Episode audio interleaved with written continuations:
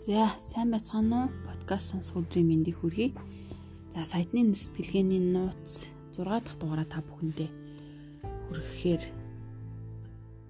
хүргэхэд бэлэн болоод байна. За уламжлалт ясаараа өмнөх дугаарын хамгийн сүүлийн өгүүлбэрийг уншаад энэ дугаараа эхлүүлье. За өмнөх дугаар дээр за та эд баялагийг бий болгоход өөрийгөө бүрэн бөгөөд чихнээсээ зориулаагүй бол зорилгодоо хүрэх магадлал муутай байх болно гэд уншиж тусгасан байна. Та өдөрт 16 цаг ажиллахад бэлэн байна уу? Та 7 хоногийн 7 хоногт 7 өдөр ажиллаж амралтын өдрүүдэд золиослоход бэлэн байна уу? Та өөрийн гэр бүл найз нөхдөдөө уулзах ба амрах дуртай зүйлээ хийх боломжийг золиослоход бэлэн байна уу? Та өөрийн бүх цаг хугацаа ирж хүч эхлэлтийн хөрөнгийг ашиг олох баталгаагүйгээр эрсдэлд оруулахад бэлэн байна. Эдгээр бүх зүйлс баян хүмүүс бэлэн байдаг. Баян хүмүүс дээрх бүх зүйлүүдийг болж өгвөл богино хугацаанд хийхийг хүсдэгч нөгөө талдаа удаан хугацаанд хийхэд мөн бэлэн байдаг. Харин та бэлэн байна уу? Магадгүй танд аз тохиож удаан хугацаанд зүтгэх юм уу ямар нэг зүйл золиослох шаардлага гарахгүй байж болно Та ийм зүйлийг хүсч болох боловч би л бол түүнд найдахгүй. Баян хүмүүс шаардлагатай бүх зүйлийг хийхэд бол бүхнээ зориулдаг. Гэхдээ та өөрийгөө зориулсан нөхцөлд ертөнд танд дэмжлэг үзүүлэхээр бүхийдг нь сонирхолтой. Судлаач В.Х. Марей Гимла ууланд хийсэн өөрийн анхны аяллахаа үед бичсэн дараах тэмдэглэл миний хамгийн дуртай зохиолын хэсгүүдийн нэг юм аа. За энэ тэмдэглэлийг нь уншиж үгэй. Хүн альва зүйлд бүхнээ зориулах хүртэл эргэлзээ замаасаа буцах магадлал мөн үр дүнгийн байдал үргэлж байсаар байдаг. Санаачлагыг амжилттай хэрэгжүүлэхэд шаардлагатай нэгэн үндсэн үнэн байдаг бөгөөд түүнийг үл хайхсны улмаас хязгааргүй олон шин санаа ба гайхалтай төлөвлөгөөнүүд нуруу унсан байдаг. Энэ бол хүн өөрийгөө ажилдаа бүрэн зориулах үед хувь заяач гэсэн ажиллаж эхэлдэг юм. Эхэлдэг нь үнэн юм. Энэ шийдвэрээс бүхэл бүтэн үйл явдлын урсгал үүсч урд нь огт зүүдэлж байгаагүй санаанд оромгүй үйл явдлууд, уулзалтууд, материалын тусламжууд өрнөж эхэлдэг гэсэн байна. За өөрөөр хэлбэл хорвоо ертөнд танд тусалж таныг чиглүүлэн дэмжлэг үзүүлэх ба тэр байтугай танд зориулж гайхамшиг бүтээн. Гэвч үүний тулд та эхлээд өөрийгөө бүрэн зориулах ёстой. За тунхаглалаа хэлцгээе. Гараа зүрхэн дээрээ тавиад Би баян болохын тулд бүхнээ зориулна. Би баян болохын тулд бүхнээ зориулна. Толгойдоо гараа хүргээд би сайтны сэтгхүйтэй. Би сайтны сэтгхүйтэй гэж байна. За, сайтны сэтгхүү хөгжүүлэх ажиллагаа буюу дасгал ажил. Хоёр дасгал ажил байна. Эд баялагийг бий болгох нь танд яагаад чухал болох тухай богино хэмжээний зохиомж бичиж.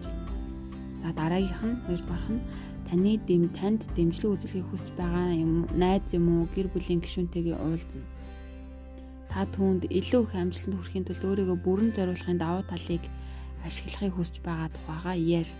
Зүрхэн дээрээ гараа тавиад түүний нүд рүү харж дараах мэрэгдлийг тавтан хэл.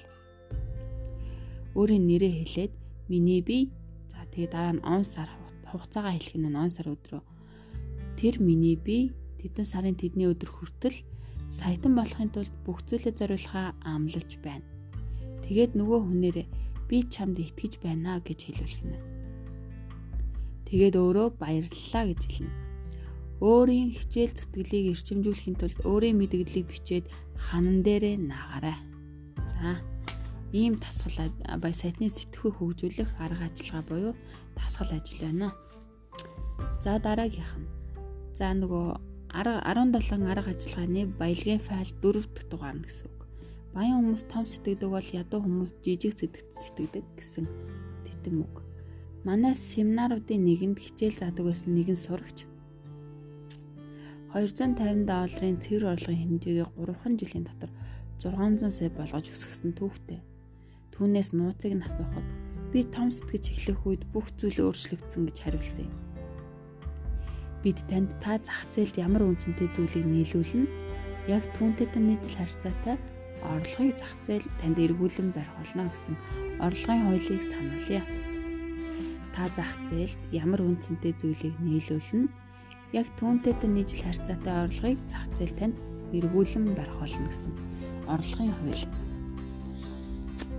Энд гол үг нь үнцэн гэдэг үг юм. зах зээлийн үн цэнийг дөрвөн хүчин зүйл тодорхойлдог гэдгийг мэдэх нь чухал юм. Энэ бол нийлүүлэлт, эрэлт, чанар, хэмжээ юм. Миний туршлагаар ихэнх хүмүүсийн хувьд хамгийн том асуудал үүсгдэг хүчин зүйл бол тоо хэмжээ. Тоо хэмжээ нь та зах зээл дээр ямар үн цэнтэй зүйлийг нийлүүлсэн болохыг илэрхийлдэг. Үүнийг таны хідэн хүнд үйлчлдэг юм уу нөлөөлдөг болохыг харуулах тоогоор илэрхийлж болно. Жишээ нь миний бизнес зарим сургагчид нэг удаа 20 хүнтэй жижиг бүлгүүдэд сургалт явуулахыг илүүд үздэг бол зарим нь 100 хүнтэй, зарим нь 500 хүнтэй, зарим нь бүр 1000-аас 5000 түүнээс олон хүнд нэгэн зэрэг хичээл заахыг илүүд үздэг. Эдгээр сургагчдын орлого ялгаатай юу? Та ялгаатай гэж итгэсэн нь дээр байх.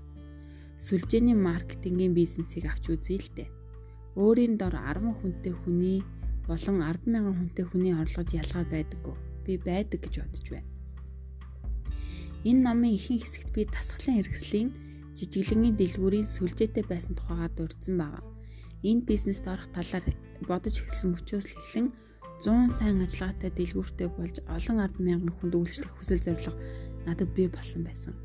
Нөгөө талд надаас 6 сарын дараа ажиллаж эхэлсэн миний өрсөлдөгч нэг сайн дэлгүүртэй болохыг хүссэн. Эцэст нь тэр ихээхэн орлого олсон харин би баяжсан.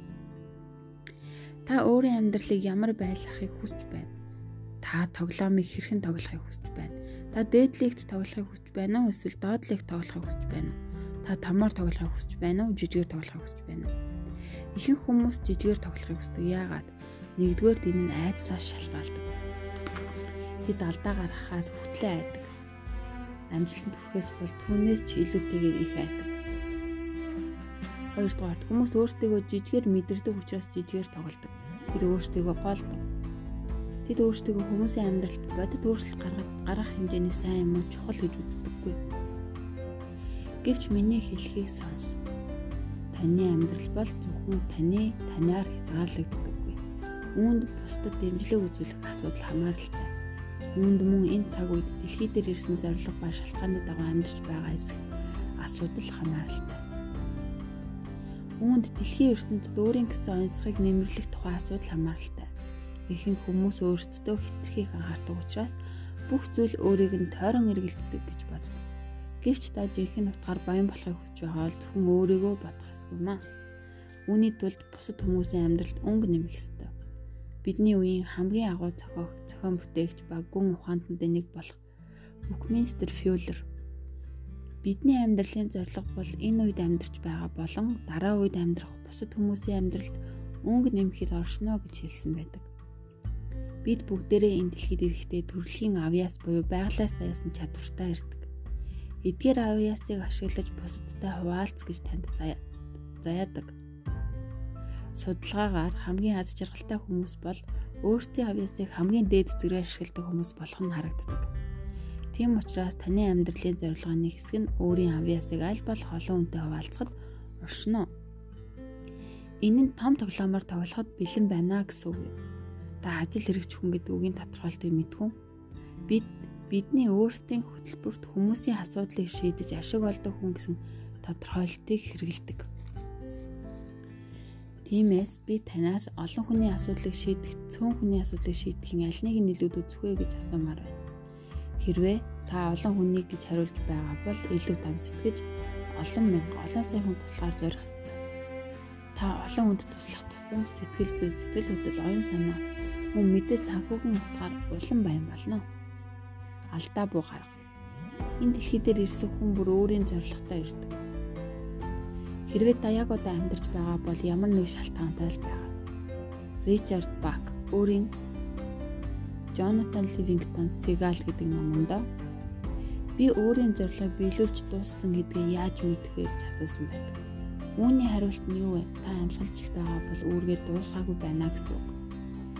Хитрхи олон хүн өөрсдийн ажлыг хийхгүй, өөрсдийн үүрэг буюу санскрит хэлээр дармаг хэрэгжүүлэхгүй байгаа нь харагддаг.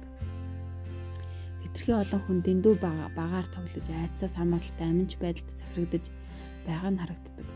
Үүний үр дүнд бидний дундаас дэндүү олон хүмүүс өөрсдийн хувийн амьдрал болон бусдын амьдралд үзүүлэх дэмжлэгийн хувьд нөөц болцоогоо бүрэн дайчилж чаддаггүй маа. Үүнийг товчоор та хийхгүй бол хэн хийх вэ гэдэг асуултаар илэрхийлж болно. дахин хэлэхэд хүн бүр өөрийн давтагдшгүй зоригтой байдаг. Магадгүй та үйл хөдлөх хөрөнгийн хөрөнгө оруулагч бөгөөд хөрөнгийг түрээслэх, худалдаж авах болон бэлэн мөнгөний урсгал мөний өсөлтөөс ашиг олох ёстой байж болно. Таны зорилго юу вэ? Та бусдад яаж тусалдаг вэ? Та орон сууц олж чадахгүй байгаа айл өрхүүдэд боломжийн үнэтэй байр олж өгснөрөө тэдний амьдралд өнгө нэмэх боломжтой болж байна. Тэгэхээр та хідэн айл ба хүнд туслах боломжтой вэ гэдэг асуулт гарч ирнэ.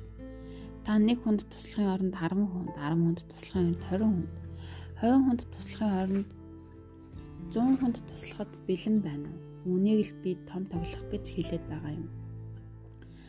Зохиолч Мариан Вильямсон хайраа буцаасна гэдэг өөрийн гайхалтай бүтээлтэй үүнийг та бол бурхны хүүхэд, та бага хэмжээтэй тоглолт хийснээр дэлхийд тус болохгүй агшиж жижигэрснээр таны эргэн тойронд байгаа бусад хүмүүс найдваргүй байдалд ордог учраас энэ нь гэгэрсэн үйл байж чадахгүй. Бид бүгд хүүхдцэл гэрэлтэх ёстой. Бид өөрсдийн дотор байгаа бурхны алдар суух харуулгаар төрсөн. Энэ нь зөвхөн та хүмүүст биш харин бүх хүнд байдаг чанар. Бид өөрсдийн гэрлэг гэрэлтүүлснээр өөрийн мэдлгүй бусад хүмүүсийг ч ингэхэд хүргэдэг. Бид өөрсдийн айцаас алснараа бусдад эргчлөө олгодог. Дэлхийн ертөнцид жижиг тоглодог хүн алшрах хэрэггүй. Нуувчнасаа ил гарах цаг болжээ. Дутагдаж гацигдхаа зогсоож санаачлагыг гартаа авах цаг болжээ. Өөрийн авиас чадварыг дарж хадгалах юм уу байхгүй мэд дүрсэхэ болж бусдтай хуваалцах цаг болсон. Далаадтай тоглоомоор тоглож эхлэх цаг нь болсон. Эцсийн эц жижиг сэтгэлгээ жижиг үйл хөдлөл ядуур болон сэтгэл дундуур байдалд хүргэдэг том сэтгэлгээ ба том үйл хөдлөл нь мөнгө олон утга учирыг хоёулангийн авчирдаг юм а. Жим Розмеригийн амжилтын түүх гэдэг нэг хүний амжилтын түүх байна. За энэ түүхийг уншиж өгье. Хэрвээ хин нэг нь надад орлогоо хоёр дахин нэмэгдүүлэхийн зэрэгцээ чөлөөт цагаач хоёр дахин хэсэг боломжтой гэж хэлсэн бол би ийм зүйл байх боломжгүй гэж хэлэх байсан баг. Гэвч яг ийм зүйл тохиолдсон юм. Нэг жилийн хугацаанд манай бизнес 175%-аар өсч тэр жилдээ би бид 7-7 хоногийн амралт эдэлсэн. Амралт эдэлсэн. Өмнөх 5 жилд манай компани өсөлт маш бага байсан бөгөөд бид жилд арай гэж 2-7 хоногийн амралт эдэлдэг байсан гэдэгтэй харьцуулах юм бол энэ гайхалтай амжилт байлаа.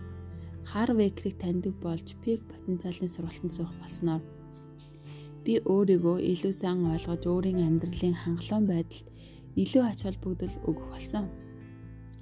Миний эхнэр хүүхдүүдтэйгээ харилцах харилцаа сайжирч гэр бүлтэйгээ хамт өнгөрүүлэх цаг маш их өгсөн. Би одоо урд нь хизээж бодож байгаагүй олон боломжуудыг харж байна. Би альч талаас нь бодсон амжилтанд өрөх зөв зам дээр гарчээ гэж бодож байна. За ийм амжилтын түүх цахиа авал илгээсэн байгаа юм байна. Тунхаглал. За одоо тунхаглалаа хэлье. Гараа зүрхэн дээрээ тавиад би том сэтгэдэг би олон мянган хүнд туслахаар шийдсэн гэж хэл. Би том сэтгэдэг, би олон мянган хүнд туслахаар шийдсэн. Толгойдоо хүрээд би сайтны сэтгүүтэй, би сайтны сэтгүүтэй гэж хэлнэ. За сайтны сэтгүүг хөгжүүлэх арга ажиллагаа буюу дасгал ажил байна. Хоёр дасгал ажлыг уншиж танилцуулъя. Нэгдүгээрт нь та өөрийнхөө төрлийн авяас гэж боддог зүйлүүдэд бич Энэ бол таны өргөлд сайн хийдэг байсан зүйлүүд юм. Мөн та эдгээр авьяасаа өөрийн амьдралд тэр дундаа ажлын талбартаа хаана хэрхэн илүү сайнаар ашиглаж болох тухайга бич.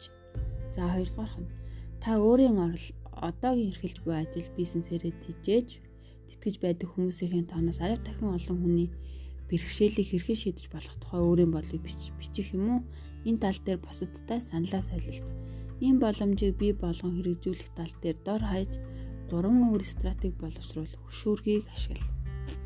Аливаа нэг ажлыг хийхдээ аа заавал гурван өөр стратегийг боловсруул тэгвэл та амжилтанд хүрнэ гэсэн байна. За арга арга ажиллагаа 17 арга ажиллагааны баялагын файл номер 5 5 дахь арга ажиллагаа гэсэн. Баян хүмүүс боломжинд анхаарлаа төвлөрүүлдэг бол ядуу хүмүүс бэрхшээл дээр анхаарлаа төвлөрүүлдэг. Баян хүмүүс боломжийг олж хардаг, ядуу хүмүүс бэрхшээлийг олж хардаг. Баян хүмүүс хүмүүс өсч дэвжих боломжийг олж хардаг, ядуу хүмүүс алдах боломжийг хардаг. Баян хүмүүс үр ашиг олж хардаг бол ядуу хүмүүс эрсдлийг олж хардаг. Энэ нь ая хагас дүүрэн байна уу?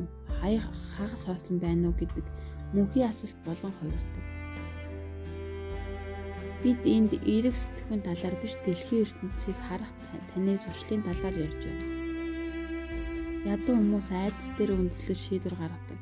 Тэдний сэтгэхүйн ямар ч нөхцөлд буруу юм уу эсвэл буруудаж болох зүйлийг хайж байдаг байна. Тэдний байнгын бодол нь хэрвээ бүтэхгүй бол яах вэ? Эсвэл үүнээс доор энэ бүтэхгүй байх гэсэн болоод байдаг.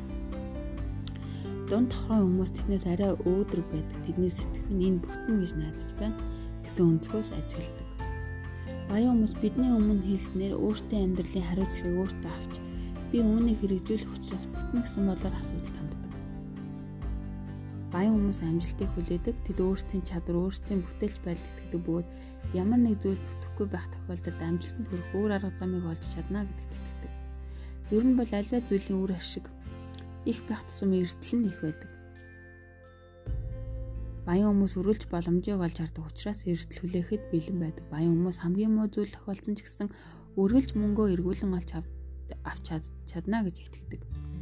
Тэгвэл ядуу хүмүүс бүтлгүүтлийн хүлээж байдаг. Тэд өөрсдөө болон өөрсдийн чадвартаа итгэдэггүй. Ядуу хүмүүс аливаа зүйл бүтэхгүй бас сүрх юм шиг боддог.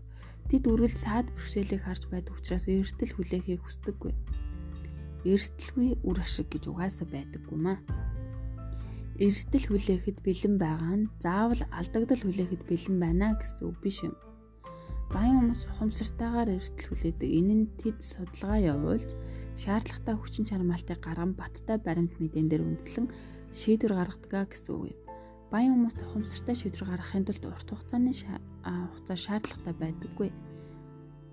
Өтөд өөрсдийн хийж чадах зүйлийг аль болох богино хугацаанд хийж гүйцэтгээ дараа нь ухамсартай шийдвэрээ гаргадаг ядуу хүмүүс боломж гарах үед бэлэн байна гэж ярьдаг хэдий ч тэдний хийдэг зүйл хийхдээ хойшлуулах явдал байдаг. Тэд өвтлээ айж 7 хоног сар бүр жилээр эргэлздэг бөгөөд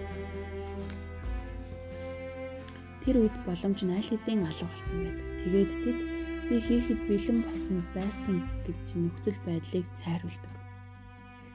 Тэд бэлэн болж байх хооронд баян хүн аль хэдийн хийж дуусгачаар өөр зүйл хийж эхэлсэн байдаг би хариуцлагатай байдалд ихээхэн ач холбогдлуудыг бодох юм бол миний одоо хэлэх гэж байгаа зүйл баг зэрэг хачин сонсогдож магадгүй. Гэвч олон хүний аз хэмээн нэрлдэг нэгэн хүчин зүйл баян болоход цаашлаад ямар ч зүйлийг амжилттай их тодорхой нөлөө үзүүлдэг гэдэгт би итгэдэг.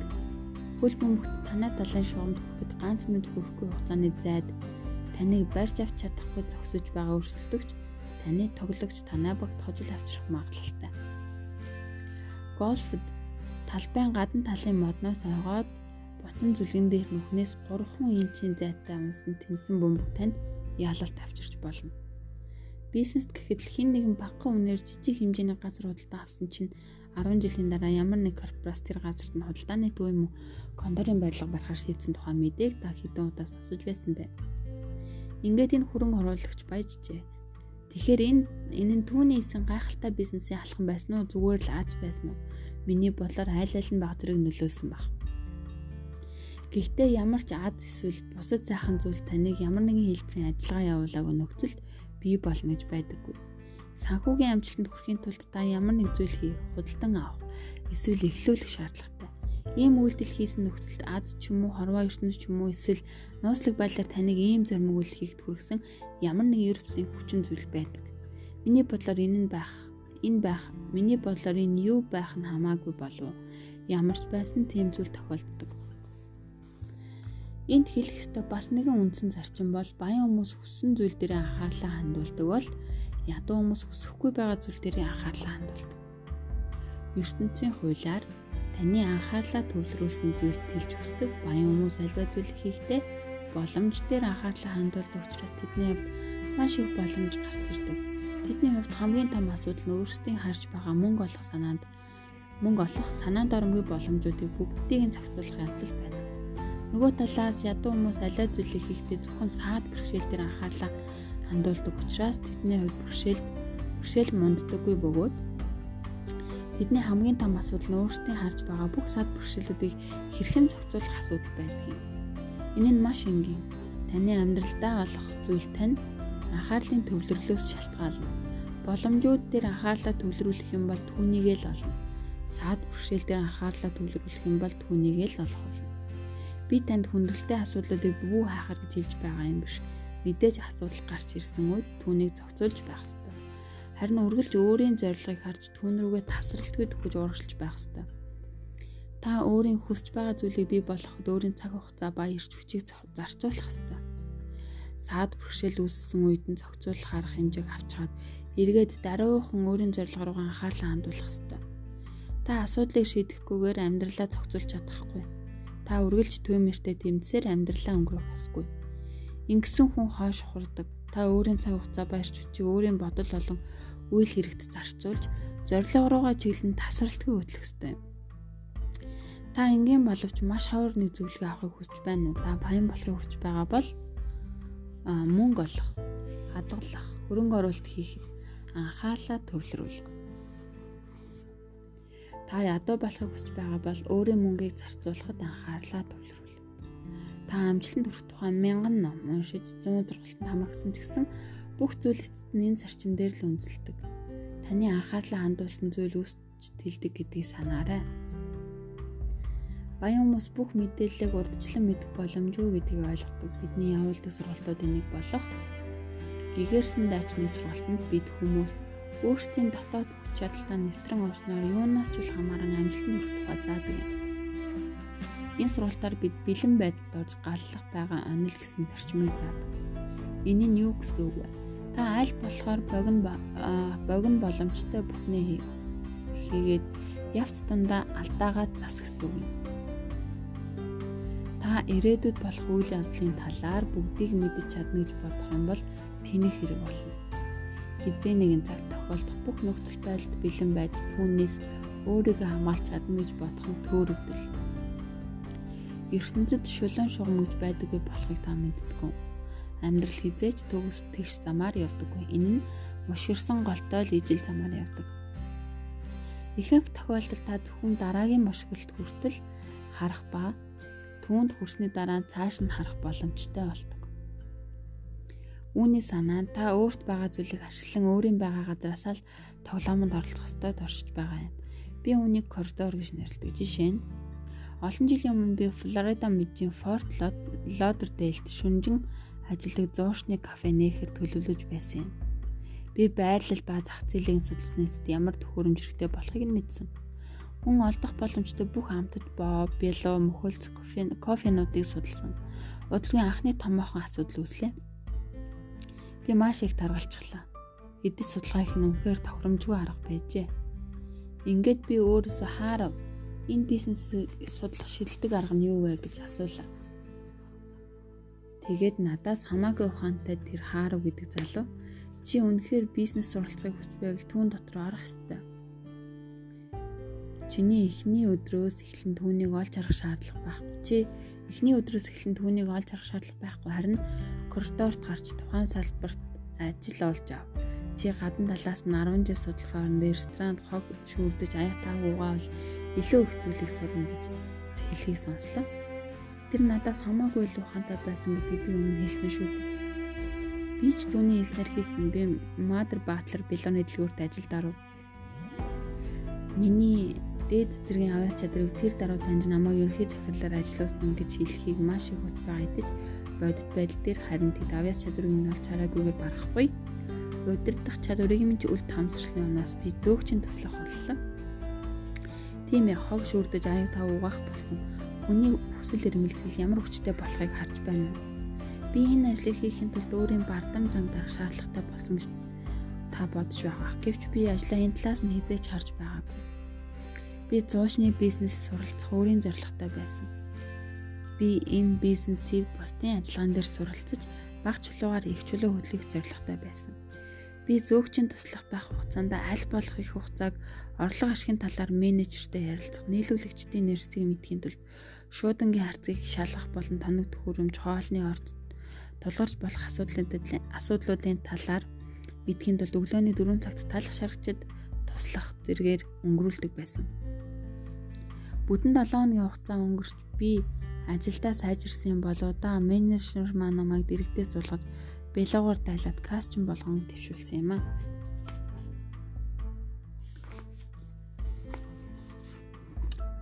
Би энэ талаар секунд ихэд хуваасандаа тэнцэх хугацаанд нухацтай бодоод баярлаа. Бас баярлаагүй гэж хариулсан юм. Нэгдүгээр би кассийн машины ар суучих юм бол их зүйл суралцах боломжгүй болно. Хоёрдугаарт би сурах гэж ирсэн зүйлээ сурчсан байсан юм. Миний хийх гэрийн даалгавар дууссан байлаа. Ингээд миний коридор гэж яриад байгаа зүйл энэ ном шүү дээ. Өөрөөр хэлбэл ирээдүйд ажиллахыг хүссэн салбартаа эхлээд ямар ч ажилд хамаагүй орох явдал юм. Энэ нь дотроос нь харах боломж олгодог учраас бизнесийн талаар судлах хамгийн шилдэг арга зам байдаг.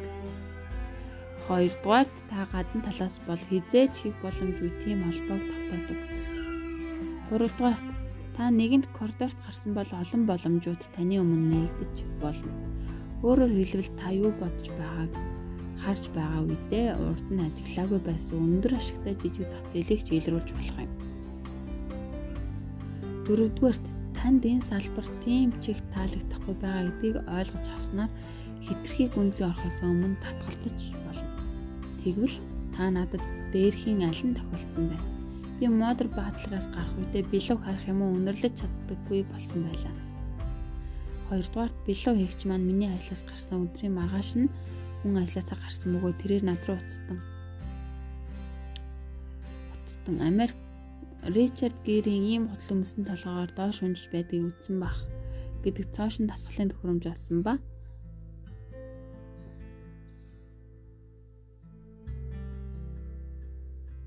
заавчлаараа ахиад уншаадах юм. Хоёрдугаарт бэлүү хийгч маань миний ажлаас гарсан өдрийн маргааш нь ажлаасаа мөн гарсан бөгөөд тэрээр над руу уцтан Gravity Guidance тонгороо гутал гэдэг цоошин тасгалын төхөөрөмж олсон ба үүнийг намайг үзэхгүй юм уу гэж асуулаа.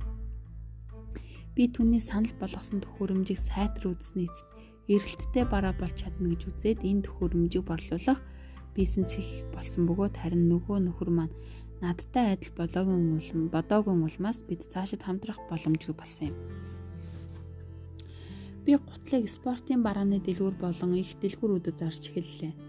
Эдгээр жижиглэнгийн худлааны дэлгүүрүүдэд байсан түгээмэл нэг тал нь тэд бүгд тасгалын төхөөрөмж маш муутай болохыг нь би ажигласан юм.